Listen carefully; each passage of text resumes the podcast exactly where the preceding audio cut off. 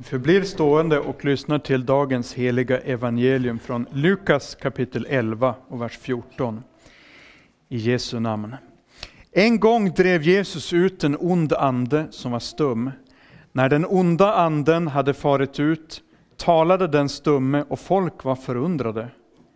Men några av dem sa, det är med hjälp av Belsebul, den onda andarnas furste, som han driver ut andarna. Andra ville pröva honom och begärde ett tecken från himlen av honom. Men han visste vad de tänkte och sa till dem, ett rike som är splittrat blir ödelagt och hus faller på hus. Om nu Satan skulle vara splittrad och i strid med sig själv, hur kan då hans rike bestå? Ni säger att det är med hjälp av Belsebul jag driver ut de onda andarna. Men om jag driver ut andarna med Belsebul, med vem driver då era söner ut dem? De blir alltså era domare. Men om det är med Guds finger jag driver ut de onda andarna, då har Guds rike nått er. När den starke beväpnad, beväpnad vaktar sin gård får hans ägodelar vara i fred. Men kommer det en som är ännu starkare och besegrar honom, då tar han ifrån honom alla de vapen som han hade litat till och fördelar bytet. Den som inte är med mig är emot mig och den som inte samlar med mig skingrar. När en oren ande har farit ut ur en människa går den genom ödetrakter och söker efter en viloplats men finner ingen. Då säger den, jag vänder tillbaka till mitt hus som jag lämnade. När den kommer och finner det städat och snyggt går den och hämtar sju andra andar som är ännu värre och de går in och bosätter sig där. För den människan blir slutet värre än början.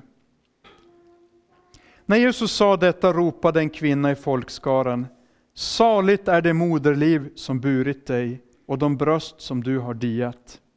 Han sa, säg hellre, saliga är de som lyssnar till Guds ord och bevarar det. Så lyder det heliga evangeliet. Lovad vare du, Kristus.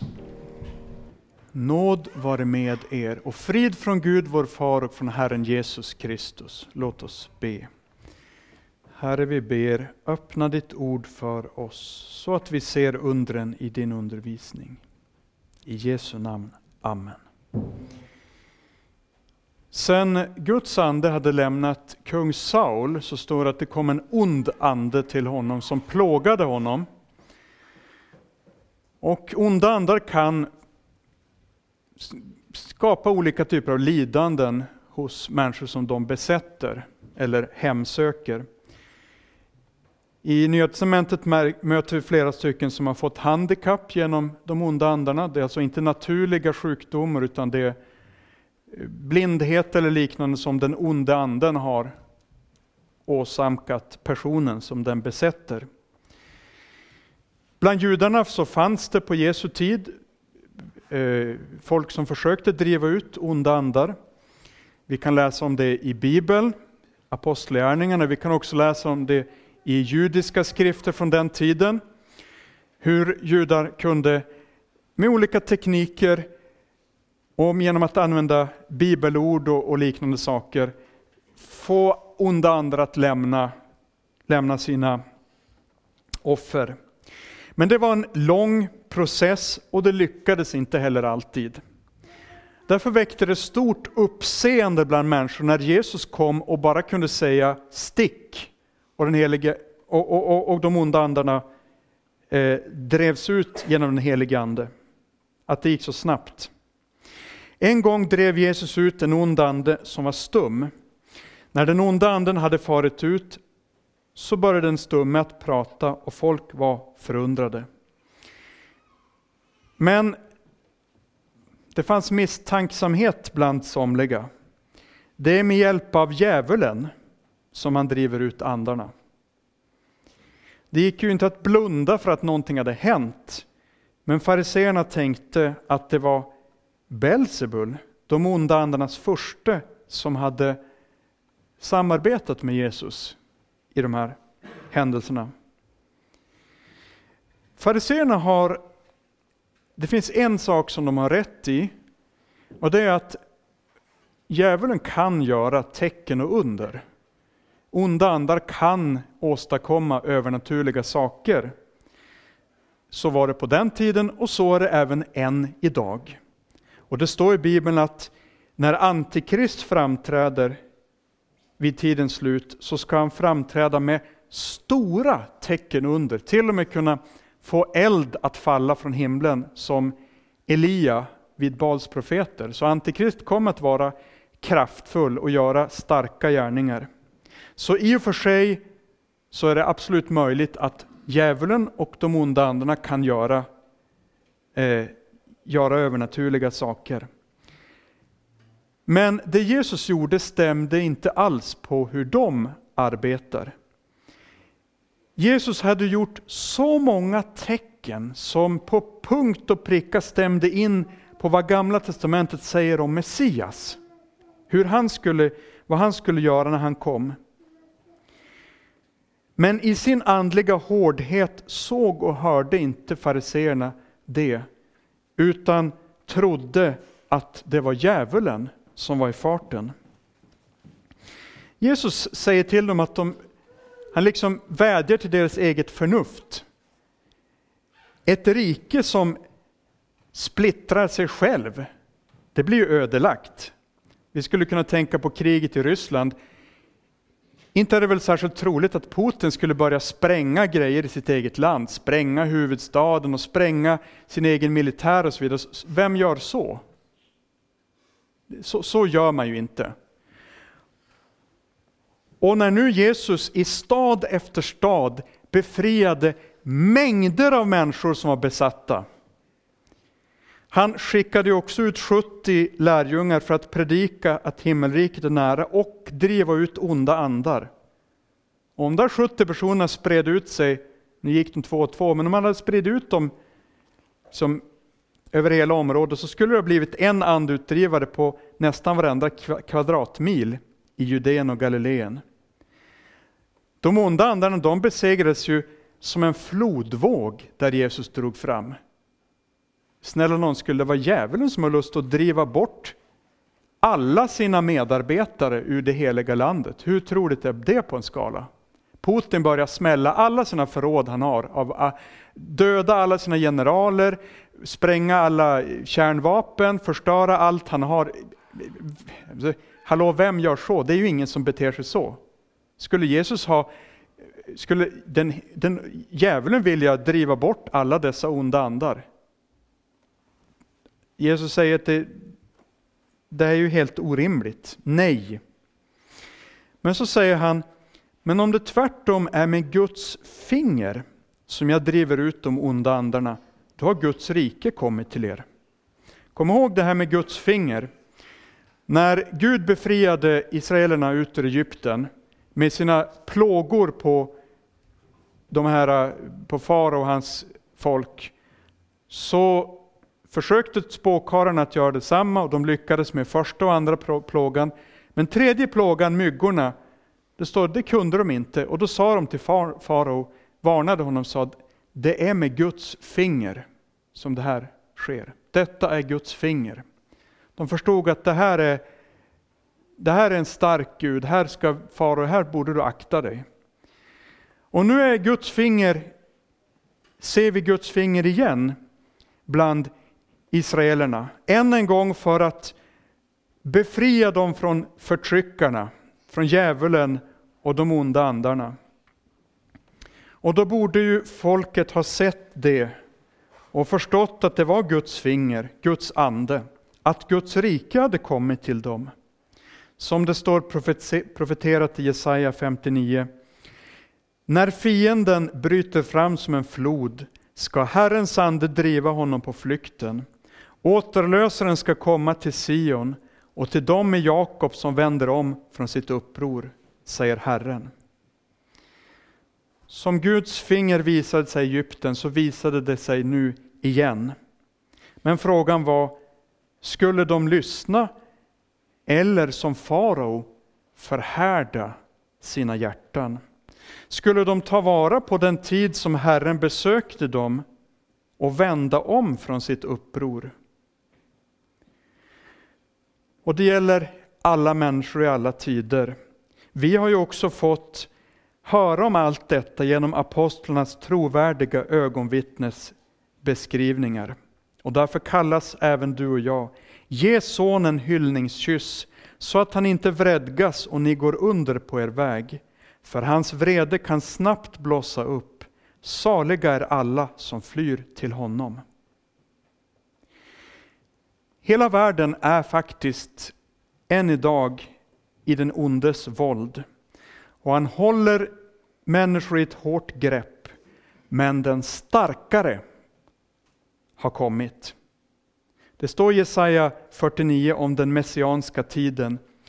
Kan man ta byte från den starke eller rycka fångarna från tyrannen? Ja, säger Herren, den starkes fångar ska tas ifrån honom, bytet ska ryckas från tyrannen. För jag ska själv strida mot dina motståndare, jag ska själv rädda dina barn. Jesus framträder här som den starkare som rycker ifrån djävulen hans byten. Jesus är alltså Herren. Och Jesus förklarar, när den starke beväpnad vaktar sin gård får hans ägodelar vara i fred. Men kommer det en som är ännu starkare och besegrar honom, då tar han ifrån honom alla de vapen som han litade till och fördelar bytet. Jesus visade att han är Herren som rycker ifrån djävulen hans byten. Och inte bara med sitt allmaktsord, utan han tar ifrån djävulen alla hans vapen genom att försona vår synd. För det är ju ett djävulens starka vapen mot oss, att han kan peka på vår synd. Satan hade, läser vi i Bibeln, länge tillåtelse att träda fram inför Gud. Även sedan han var, blivit eh, en ond ande.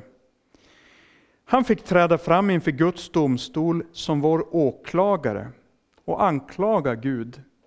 Alltså med andra ord, du har inte rätt att göra gott mot de här människorna, för de är syndiga. De har syndat mot din lag, och din lag säger att de ska förkastas.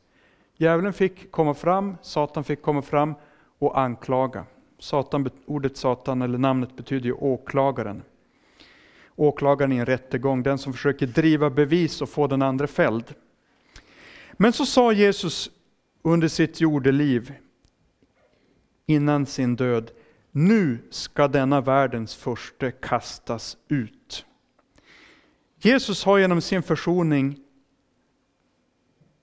tagit bort allt som ger Satan anledning att anklaga oss och därmed fått, själv fått rätt till alla Adams fallna barn, som det står i Romarbrevet. Liksom en endas fall ledde till fördömelse för alla människor, så har en endas rättfärdighet lett till ett frikännande, till liv för alla människor. Och i Jesaja säger Gud, jag ska ge honom de många som hans del, eftersom han utgav sitt liv i döden och blev räknad bland förbrytare. Han som bar de många synd och trädde in i överträdarnas ställe. Jesus har förvärvat rätten att frikänna, ta ifrån djävulen vem helst han vill. Djävulen har inte längre någon tillåtelse att komma inför Guds tron i himlen och anklaga någon människa. Nu kom Jesus inte bara för att driva ut onda andar och för att bota eh, sjuka och så vidare. För vad hjälper det om vi slipper en ond ande och ändå fortsätter leva utan frälsaren? Jesus sa, när en oren ande har farit ut ur en människa går den genom ödetrakter och söker efter en viloplats, men finner ingen. Då säger den onde anden, jag vänder tillbaka till mitt hus som jag lämnade. När den kommer och finner det städat och snyggt går den och hämtar sju andra andar som är ännu värre, och de går in och bosätter sig där. För den människan blir slutet värre än början. Så det är alltså möjligt att en person är besatt av en ond ande, någon kommer och driver ut den onda anden, Och sen går ett par veckor och sen är den besatt igen. Och kanske av ännu fler onda andar. Eh, om inte Guds ande kommer och tar sin boning i människan så finns det ju inget skydd mot eh, de onda andarna. Då är det liksom tomt och vem som helst kan flytta in igen. Nu var det så att de flesta i Israel var inte besatta av onda andar, men alla levde, eh, eller de flesta levde i andligt mörker. Tänk på Johannes döparen som kallade folket som kom till honom för huggormsyngel. Han sa alltså det till dem, de israeler som faktiskt kom ut till honom, där han döpte. De kallade han för huggormsyngel. Det var inte bara fariseerna som stod långt på avstånd, utan de som kom ut sa han, varför har ni kommit hit? Och Jesus sa, läser vi i Johannes evangelium, vid ett tillfälle till de lärjungar som följde honom. Återigen, inte till fariseerna långt bort, utan till folk som följde honom, sa han, ni har djävulen till er far.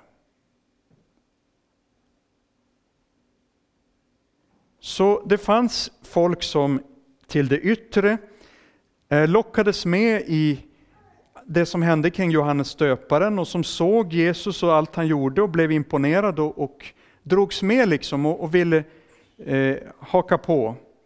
Men som inte hade tagit emot frälsningens ord i sitt hjärta. Och då, då var de fortfarande under djävulens eh, rike. Och så kan det vara också idag. En människa kan även idag i Sverige bli befriad från andebesättelse, det händer. Från alkoholism, från sexmissbruk eller något annat destruktivt. Livet blir städat, relationerna till anhöriga blir bra igen. Man är glad, man tackar Gud och det får man verkligen göra. Men om inte Guds ande genom tron på Jesus flyttar in och vaktar huset så är djupast sett inte mycket vunnet. Ja, här på jorden är mycket vunnet, absolut. Om man till exempel har missbrukat narkotika och förstört alla sina relationer och så får man hjälp att ta sig ur det. Man blir frisk, man blir på benen, man kan ta kontakt med sina barn, man blir en fungerande människa, så har ju på sätt och vis ett under skett. Vi kan säga att det är fantastiskt, vi kan tacka Gud för det. Men om man fortfarande inte hör Jesus till, så vad hjälper den människa om hon vinner hela världen? Själen är ändå förlorad. Och det betyder att det var inte nog med att Jesus kom och drev ut onda andar, botade sjuka. Det viktigaste var att föra människor till frälsning. Annars var ändå allting förlorat när man en dag dog och skulle möta Gud. Och även den som kommer till tro kan lockas bort. Djävulen är, går omkring som ett rytande lejon. Och han har flera metoder en vanlig är förstås att locka till frestelse, att, att vi ska göra någonting som vi vet är fel, men det bara lockar så mycket som man tänker nu, nu struntar jag i Guds rike, nu gör jag det här. Bära eller brista, nu, nu, nu hakar jag på det här. Det är en metod. Locka med, med eh, synd, för att man förhoppningsvis ska fastna där och inte och, och, och, och, och gå under i sin synd. Men djävulen kan också fresta med så att säga, högra sidans frestelser som är för, för kristna mycket svåra att genomskåda. Nämligen att dra oss in i egen rättfärdighet eller lura oss överhuvudtaget bort från den rena nåden till ett annat evangelium som som i Galater, Galaterbrevsförsamlingen. Frälsning av nåd plus gärningar. Den vänstra sidans synder de är så uppenbara, de ser även kanske samhället. Men den högra sidan verkar så rejäla. För där anspelar den på Guds riktiga lag. Det, det klingar rätt i våra öron. Det är konservativt, det är ordning och reda på något sätt. Men även det är ett falskt evangelium. Och där säger Paulus att de i Galatien hade börjat i anden men slutat, var på, för risk att sluta i köttet. Mot alla frestelser, vare sig det är på vänstra eller högra sidan, så behöver vi hämta kraft i den nåd som finns hos Jesus Kristus. Luther skriver i sin predikan över den här texten, den här första årgångens texter som vi predikar över, de var ju samma som Luther hade på 1500-talet. Kanske med något, vissa texters undantag, men många är samma första årgången. Han skriver så här. Du angriper djävulens rike när du döps, när du hör ordet och när du tar emot nattvarden. Men att djävulen inte besegrar dig beror på att Kristi rike hålls samman lika noga som djävulens. När därför djävulen angriper dig, så angriper han också honom som sitter på Guds högra sida, så som det också blev sagt till Paulus. Saul, Saul, varför förföljer du mig? Detta ska vi trösta oss med och samtidigt lära oss att det inte är en lek att vara kristen, när vi har ett så stort rike emot oss och när vi vid varje ögonblick skulle sväva i fara om inte Gud med sin nåd uppehöll oss. Men låt oss nu till slut tacka Gud för denna nåd, att han för att hjälpa oss, för att hjälpa oss mot djävulen sänt oss sin son för att driva ut honom och för att han gett oss sitt ord, med vars hjälp än idag det undret kan ske att djävulens rike blir förstört och Guds rike uppbyggt och förökat. När djävulen beskjuter vårt samvete och anklagar oss för synd, för det är ju djävulens vanliga ordning att först locka till synd och sen när man är där säger han, se hur du har gjort, nu vill inte Gud ha med dig att göra. Men faller vi i synd så får vi bekänna synden för Gud och fly tillbaka till Kristus och gömma oss bakom trons sköld, bakom Kristus. Luther säger i Stora Galaterbrevet-kommentaren vid strider i samvetet ska vi vänja oss vid att lämna oss själva åsido, liksom även lagen och gärningarna som tvingar oss att se på oss själva. Istället ska vi utan vidare rikta blicken mot kopparormen, Kristus på korset, och med blicken stadigt fäst på honom slå fast för oss att han är vår rättfärdighet och vårt liv, utan att bry oss om lagens, syndens, dödens och Guds vredes skrämmande hotelser. Så långt Luther. När Jesus hade talat om den här eh, med människorna här så var det en kvinna som ropade i folkskaran Saligt är det moderliv som har burit dig och det bröst som du har diat. Hon tyckte, tänk vad underbart att få att kunna få mamma till dig, att få vara så nära dig. Men Jesus sa, säg hellre, saliga är de som lyssnar till Guds ord och bevarar det. Bara en kunde ju bära Jesus, men alla har fått Guds ord. Saliga de som då lyssnar till det och bevarar det. Trots att ordet och Guds sakrament kan verka opersonligt, teoretiskt, ingen känsla av Guds närvaro, bla bla bla, så är det starkt. Det var med Guds ord som Jesus en gång avvisade djävulens frestelser i öknen. Och så får vi med samma Guds ord och evangelium skydda oss för djävulens brinnande pilar och driva djävulen på flykten. Må Gud behålla oss i Kristi nåd såsom i en borg. Amen. Ära vare Fadern och Sonen och den helige Ande, så som det var av begynnelsen, nu är och skall vara, från evighet till evighet. Amen.